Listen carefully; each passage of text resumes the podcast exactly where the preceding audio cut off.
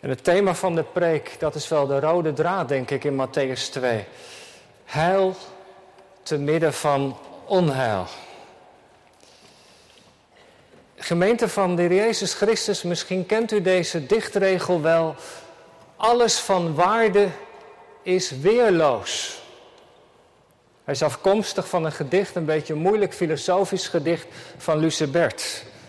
Groep dichtige, dichters uit de vijftige jaren na de Tweede Wereldoorlog, een schuilnaam, experimentele poëzie. Alles van waarde is weerloos. En die regel drukt iets uit dat wat kostbaar is, meestal ook heel kwetsbaar is. Neem nou een oude antieke vaas, of een mooi schilderij, of een prachtig servies dat je van je familie geërfd hebt. Het is prachtig om te zien, heel mooi, maar vaak ook fragiel en breekbaar. En zo is het trouwens natuurlijk met veel dingen in het menselijke leven. Neem nou zoiets als, als liefde. Dat is een geweldig kostbaar geschenk wat God ons heeft gegeven. Maar tegelijkertijd weten we ook, kwetsbaar, het kan zo makkelijk beschadigd worden. Als je je hart opent voor iemand, als je kwetsbaar bent, kunnen anderen daar zomaar overheen walsen. Alles van waarde is zo vaak weerloos.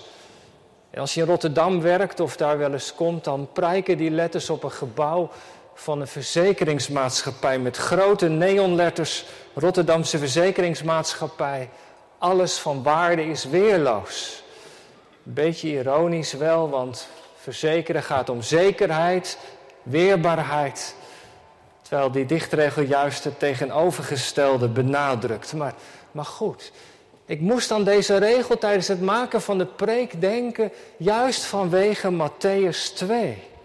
Er is heil, de Heer Jezus is geboren en tegelijkertijd is er ook geweldig veel onheil door Herodes en anderen veroorzaakt. Wat van oneindige waarde is, is ook zo weerloos en kwetsbaar voor de machten van het kwaad heil te midden van onheil. We hopen, zoals ik zei, de komende maanden uit het Matthäus-evangelie te lezen. Hoofdstuk 1 vertelt de afkomst en de geboorte van de Heer Jezus. We hoorden daar met kerst over. Het geweldige wonder dat God mens wordt. Dat Hij in de persoon van de Heer Jezus gekomen is om ons te redden. En ons weer terug te brengen in die eeuwige omhelzing met de Vader. En dan Matthäus 3 begint Matthäus te vertellen over Johannes de Doper, de wegbereider, de voorloper. Die de mensen oproept om zich van hun zonde te bekeren. En de vinger van Johannes die wijst naar de Heer Jezus. Hij is het lam van God dat de zonde van de wereld wegdraagt. En dan lezen we in hoofdstuk 3 dat Heer Jezus gedoopt wordt, vervuld met de Heilige Geest. Dan wordt hij in de woestijn beproefd en dan begint vanaf hoofdstuk 3 zijn publieke bediening. In de hoofdstukken daarna volgen we hem op de weg naar Golgotha, naar de opstanding. Maar hoofdstuk 2 zit daar een beetje tussenin. In hoofdstuk 1 is de Heer Jezus geboren, in hoofdstuk 3 treedt hij publiekelijk op, maar, hoofdstuk 2 zit daar tussenin. Wat is de bedoeling van hoofdstuk 2? Nou, hoofdstuk 2 is, om het met een Frans woord te zeggen, een ouverture. En dat Franse woord betekent een opening. Een ouverture staat aan het begin. Als u, ja, u bent vast meer thuis in de muziek dan ik, maar een ouverture dat is een instrumentaal muziekstuk dat aan het begin van een opera, een oratorium, ballet, toneelstuk of aan het begin van een concert wordt gespeeld. En in die ouverture komen alle thema's al langs die later in, in, in het stuk uh, weer uh, uitgewerkt aan de orde zullen komen. Je hoort alvast de dingen waar het later over zal gaan. En zo word je als luisteraar als het ware al warm gemaakt voor wat gaat komen. Het is de opmaat.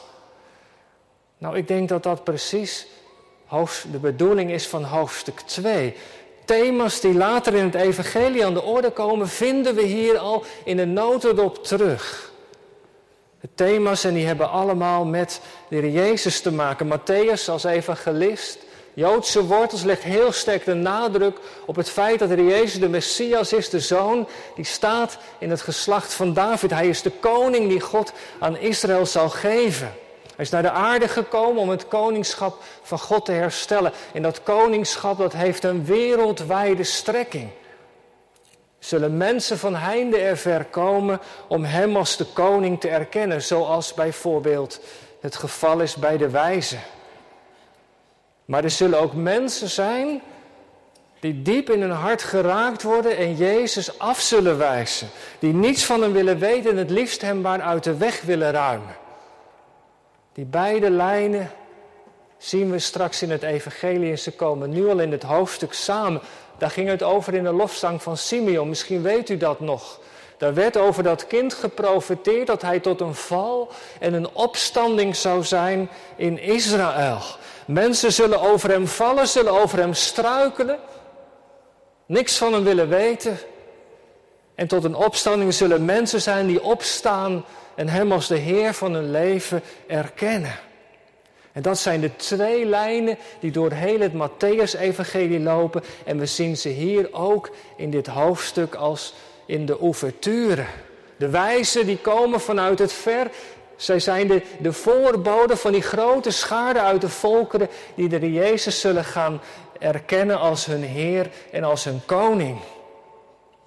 En we zullen zometeen horen over Jozef, die vrome Israëliet die gehoorzaam is als God tot hem spreekt. En daarmee laat Matthäus dus al zien dat het koningschap van de Jezus vanuit voor de volkeren is en ook voor Israël. Twee belangrijke thema's. Het heil is voor de volkeren en voor Israël. En dan zien we daarnaast ook ontstellend veel onheil. Wat Herodes beraamt. En we horen ook over de afwijzing van de religieuze leiders daar in Jeruzalem. Heil te midden van onheil. En ik ga over allebei de dingen wat zeggen. Eerst over het negatieve de wereld vol onheil. Herodes. De meest heftige reactie die we in het evangelie tegenkomen is de reactie van deze koning. Hij wordt in dit hele hoofdstuk wel maar liefst negen keer genoemd en daarom kon ik het niet uit elkaar knippen, maar dat hoort helemaal bij elkaar. Matthäus 2. Een brute heerser die alles onder controle heeft, lijkt te hebben. Herodes is een man met een dubbel karakter. Hij was bekend als een behendig bestuurder. 33 jaar lang was het relatief vrede in Israël. Hij wist te midden van al dat politieke mijnenveld zich te bewegen en de vrede te bewaren. Hij is bekend als Herodes de Grote, grote bouwwerken gemaakt. Paleizen bijvoorbeeld. Hij heeft de stad Samaria opgericht. De haven van Caesarea gebouwd. Hij was een kundig bouwmeester. Tegelijkertijd lag de verhouding met het Joodse volk ook heel ingewikkeld, want hij had ook tempels gebouwd voor de Romeinse goden. Daarom was hij onpopulair in Israël. Maar het echte probleem van Herodes was dat hij geen echte Jood was. Half Joods, half Edomitisch, zijn nageslacht. Hij was door de Romeinen aangesteld als koning van Israël. Nou, dat was tegen het zere been van de Joden en het was de Achilleshiel van Herodes. Hij was koning, maar niet echt in de lijn van David. En inmiddels is hij op dit moment 70 jaar geworden. Heel zijn leven wordt beheerst door maar één grote obsessie. Ik zal koning blijven in Israël. Hij wilde geen afstand doen van het koningschap, koste wat het kost. Het plus was hem dierbaar. Herkenbaar natuurlijk, vandaag de dag is dat nog hetzelfde. Hij is inmiddels overleden, maar ik moest aan Afrika denken, aan die dictator Mugabe. Hij was niet van het plus af te slaan. Tot in zijn dood wilde hij regeren. Zo was Herodes. Grote obsessie van hem. En hij had het zelf zo bond gemaakt dat er een spreekwoord was in die dagen dat zei: Je kunt maar beter het varken van Herodes zijn dan zijn zoon. Want hij had zijn vrouw gedood, had verschillende van zijn zoons gedood. Hij had alle mensen in zijn omgeving gedood als hij maar een, een idee had dat ze een pretendent waren voor de, voor de kroon, voor de troon. Als, ze, als hij ook maar dacht dat ze een samenswering maakten om, om de plek op de troon in te nemen, dan werden ze uit de weg geruimd. Herodes was geweldig gewelddadig. En hij had bevel gegeven dat als hij zou sterven, dan zouden, de dan zouden er vooraanstaande burgers in de stad Jericho gedood moeten worden, opdat op zijn begrafenis de minste mensen zouden klagen. Als er iemand bruut was, deze Herodes. En dan komen de wijzen van ver. En dan horen ze over een koning die in Israël is geboren. En dan lezen we dat iedereen in paniek is. Herodes, alle mensen in Jeruzalem. En dat was natuurlijk wel te begrijpen, want die vreesde voor hun leven. Een koning in Israël, dat was de zere plek van deze Herodes. Het, vrij, het was als zout in zijn open wonden. En als dan de wijzen terugkeren en ze niet gedaan hebben wat hij vroeg, dan komt hij tot het gruwelijke besluit van de kindermoord. Alle jongetjes van twee jaar en jonger in Bethlehem en omstreken moeten worden gedood. We weten niet hoeveel het er geweest zijn. De uitleggers denken aan 20, 30 jongens die gedood zijn. Maar elk mensenleven is er één te veel. En je weet, daar zal de pasgeboren koning wel bij zitten. Wat een gruwelijke daad. En wat zal er veel verdriet geweest zijn in Bethlehem. Radeloosheid onder de mensen. Ouders zullen geprobeerd hebben om hun kinderen, hun zonen voor de soldaten te beschermen. Maar te vergeefs, niets en niemand wordt ontzien. Herodes wil aan de macht blijven en hij gaat over lijken.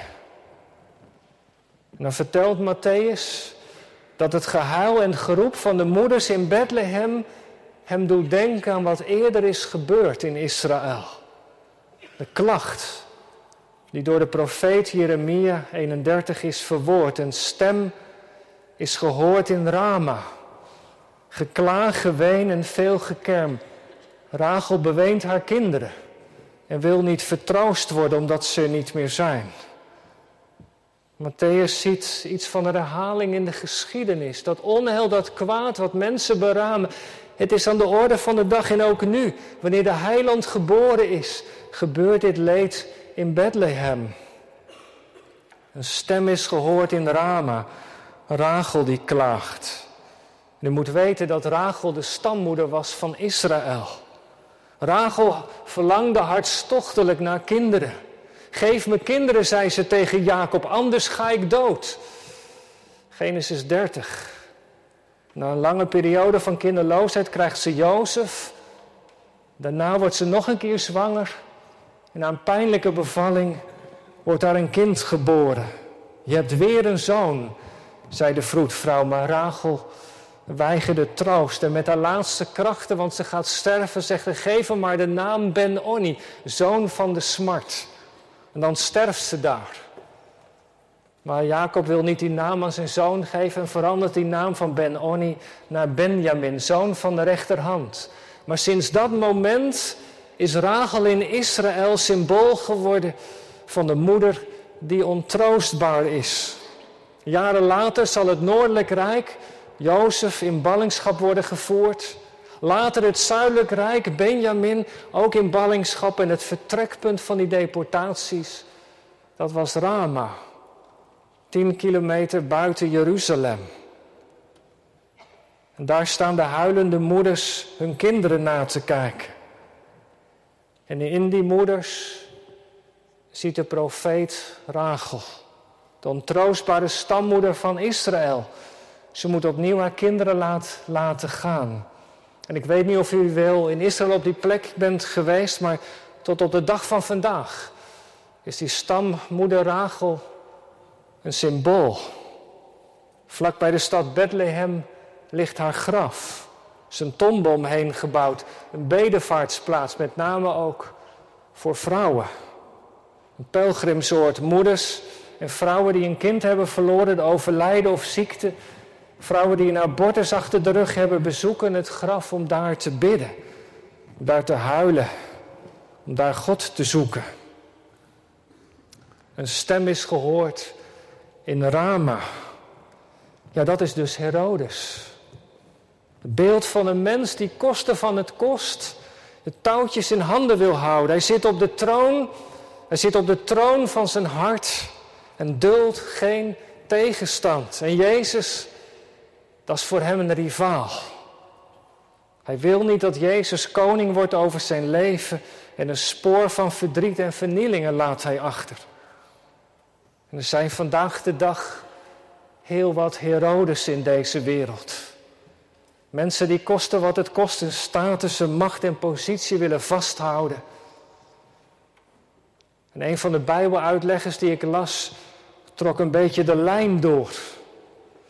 Hij zei, is natuurlijk wel een scherp woord, hij zegt, die Herodes, die zit soms ook in ons eigen hart. Ja, niet in de zin dat we allemaal van die gruwelijke daden plegen. Maar er leeft in het menselijke hart ook verzet tegen de Heere God. Om de Hem de regie te geven in je leven. Kleine Herodes in ons hart. Om Jezus koning te laten zijn. Recht op je leven. Betrekken bij alles wat je doet. Maar je ziet hem als een rivaal en je houdt hem van ver. Herodes. Eerste persoon. En dan kom ik bij de tweede. De religieuze leiders in Jeruzalem. Daar zijn ze dan. De schriftgeleerden, de hoge priesters, ze worden de Herodes opgetrommeld. De wijzen zijn gekomen. En als er iemand iets weet van de schrift waar de koning geboren zal worden, dan zijn zij het. Nou, zij weten het wel. Op de vraag van Herodes geven ze antwoord. Onbewogen lepelen ze een catechisatie-antwoord op. Waar wordt de Messias geboren? In Bethlehem. Zo heeft de profeet het gezegd. Maar als de wijzen komen met het bericht als zij van zover zijn gekomen en als ze dan uiteindelijk in Jeruzalem zijn, in lijn met de woorden van God, dan blijven ze zitten waar ze zitten. Ze gaan niet met de wijze mee. Ze komen niet in beweging. Ze weten de weg, maar ze gaan zelf die weg niet.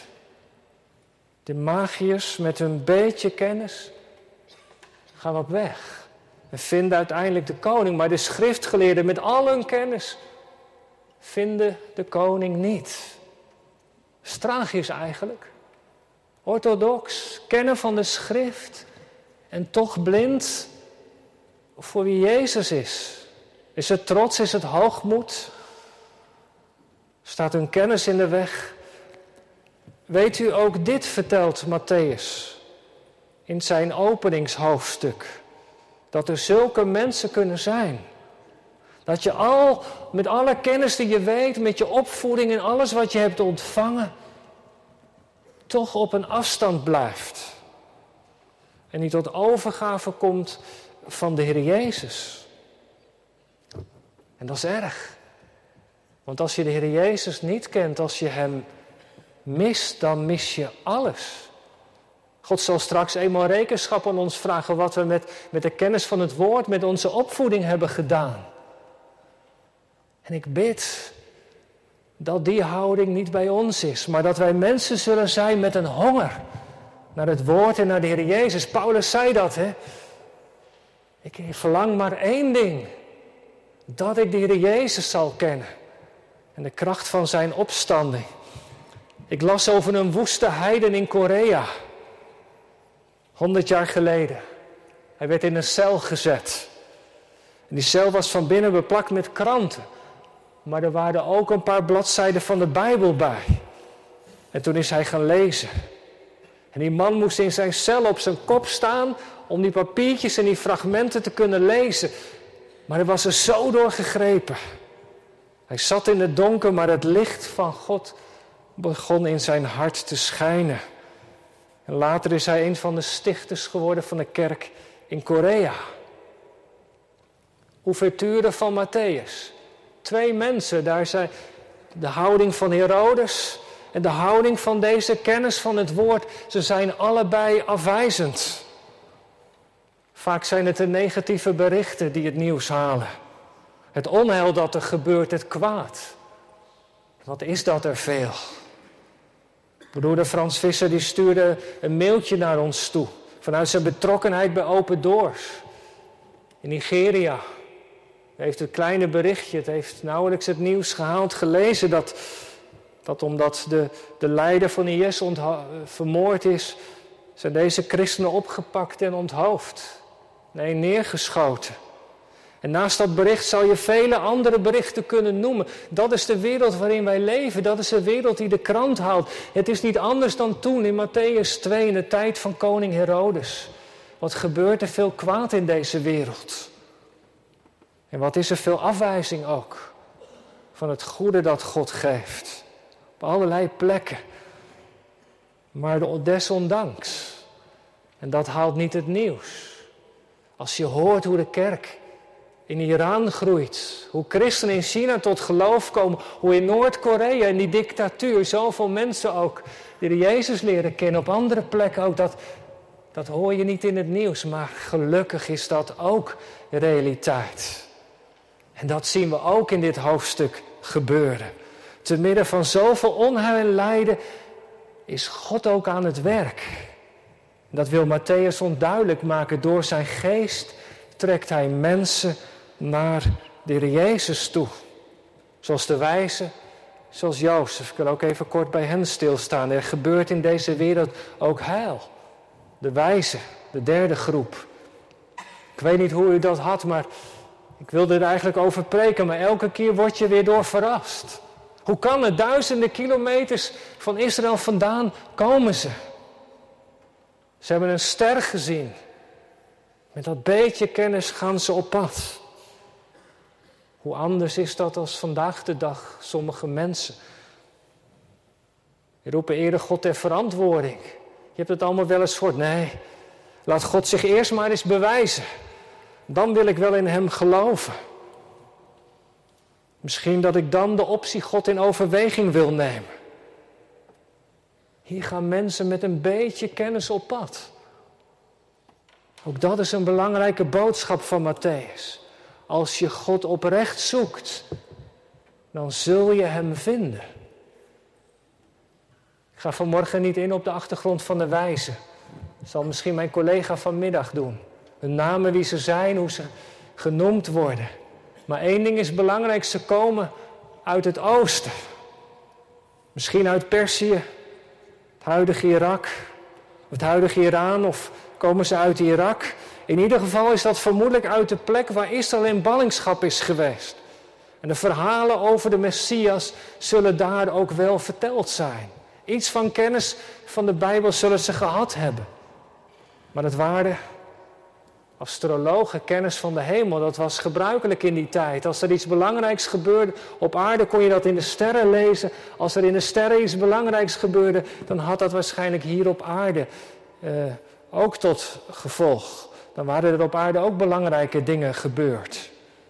Vandaag de dag zie je dat nog wel eens. Die bladen, libellen, margriet, horoscoop. Er zit een gedachte achter dat wat in de sterren gebeurt vandaag voor ons tot betekenis is. Gelukkig is dat niet zo. Niet op die manier althans. Maar deze wijzen met dat beetje kennis wat ze hebben, worden door dat licht geleid. En ze komen met de verhalen die ze hebben gehoord uiteindelijk aan in Jeruzalem. En die ster gebruikt God om hen op het spoor te zetten van de Heer Jezus. God is de schepper van hemel en aarde. Hij kan alle elementen in deze wereld gebruiken om mensen naar de Heer Jezus te brengen. En hij doet het ook, zegt Matthäus, zelfs een bijzondere ster. En dan komen ze in Jeruzalem. Ja, met de kennis die ze hebben, een koning, dan moet je wel bij een paleis zijn. Nee, daar moeten ze niet zijn. Dat is de menselijke kennis. Tot zover kunnen ze komen, maar dan hebben ze het woord nodig. En ondanks dat die schriftgeleerden zelf niet in beweging komen, vertellen ze wel wat de schriften zeggen. En zo gaan ze weer verder naar Bethlehem. En dan grijpt God weer in en komt er een ster, want ze moeten in Bethlehem komen, daar waar zijn zoon is geboren. Zij komen aan door goddelijk licht geleid. En de geest opent hun hart en zij vinden in dat kind de koning. Zij knielen neer en worden door God omarmd. Matthäus laat dus zien, in zo'n wereld waar zoveel onheil gebeurt, God dank Zoekers vinden de Heer Jezus. Op allerlei manieren gaat dat dus gebeuren. Dat wijst Matthäus ons aan als een bemoediging. Dat God er alles aan zal doen dat mensen zijn zoon zullen vinden. En we zullen in het Evangelie nog veel meer voorbeelden tegenkomen, maar zo is God vandaag aan het werk. In deze door lijden getekende wereld. Het haalt niet het nieuws. Maar er zijn zoveel mensen gelukkig ook die er Jezus vinden, want dat is waar. Wie zoekt, die vindt. En dan als laatste nog even Jozef. Ook hem zien we. De vrome Israëliet. Er is niet zoveel over hem te vertellen. Hij is timmerman, dat weten we in ieder geval wel. Iemand die met zijn handen werkt. Er is geen enkel woord van Jozef overgeleverd.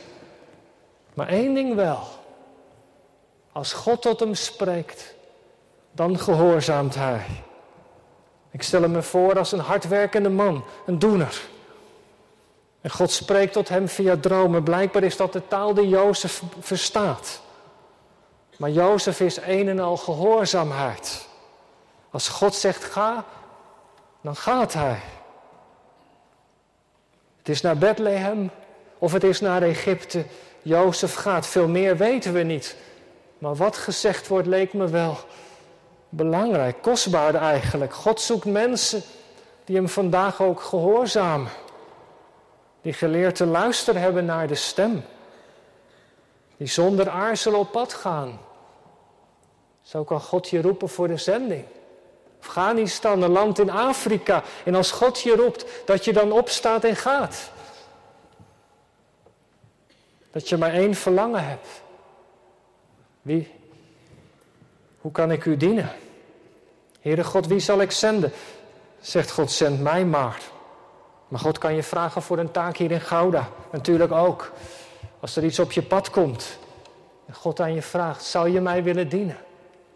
Dat je net als Jozef bent. Ja, Heer. Een en al gehoorzaam, hier ben ik. Zend mij. Gemeente, het is tijd. Ik ga afronden. Matthäus 2, de ouverture. In het hoofdstuk lijkt de Heere God afwezig. Het kwaad en onheil lijken het laatste woord te hebben. Maar als je met de ogen van het geloof kijkt, is dat gezichtsbedrog. Want als wij kijken met de ogen van het geloof, is God aan het werk. Achter de schermen. Maar alle beloften van het Oude Testament, ze worden stukje bij beetje vervuld. God houdt vast aan zijn heilsplan. De Jezus wordt geboren. Hij komt om mensen te redden. Hij moet op het nippertje vluchten, zo lijkt het. Maar God heeft in alles de regie. Het kwaad kan niet verhinderen dat het heil van God op deze wereld gebeurt.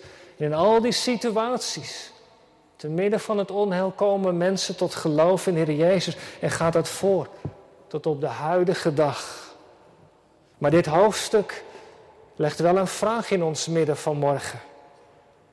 Of je nu jong bent of oud, deze vraag. Als God nu naar je toe komt, in zijn zoon, als hij je armen naar je uitstrekt, in de Heer Jezus, ben je dan als de wijzen die hem gaan zoeken? Ben je dan als Jozef die gehoorzaamt als God tot je spreekt? Via de preek, via de Bijbel, via een lied? Of ben je misschien als iemand van de schriftgeleerden met veel kennis, maar die toch op een veilige afstand blijft en je niet echt gewonnen geeft aan de Heer Jezus? Of ben je als Herodes? En zie je de Heer Jezus als een rivaal voor je plannen en dromen? Ik hoop dat je de goede keus hebt gemaakt. En mag ik daarvoor bidden? Laten we bidden. Heer, wij zeggen u hartelijk dank. Zo aan het einde van deze preek. Wat we deze dagen hebben mogen vieren. Dat u in de Heer Jezus naar ons toegekomen bent om ons te omhelzen. Om heel ons bestaan voor uw rekening te nemen, om ons te redden. En wij zeggen u daarvoor hartelijk dank.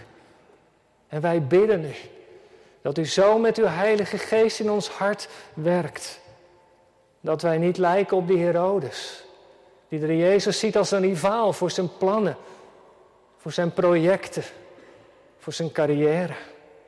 Dat we ook niet zullen zijn zoals de schriftgeleerden, mensen met heel veel kennis, maar die op een afstand blijven staan. Maar wij bidden nu, maak ons als die wijzen die op zoek gaan, net zolang tot ze hebben gevonden. Of als Jozef, die aan maar één woord van u genoeg heeft. Wij bidden u dat, heren. Laat het zo zijn. In Jezus' naam. Amen.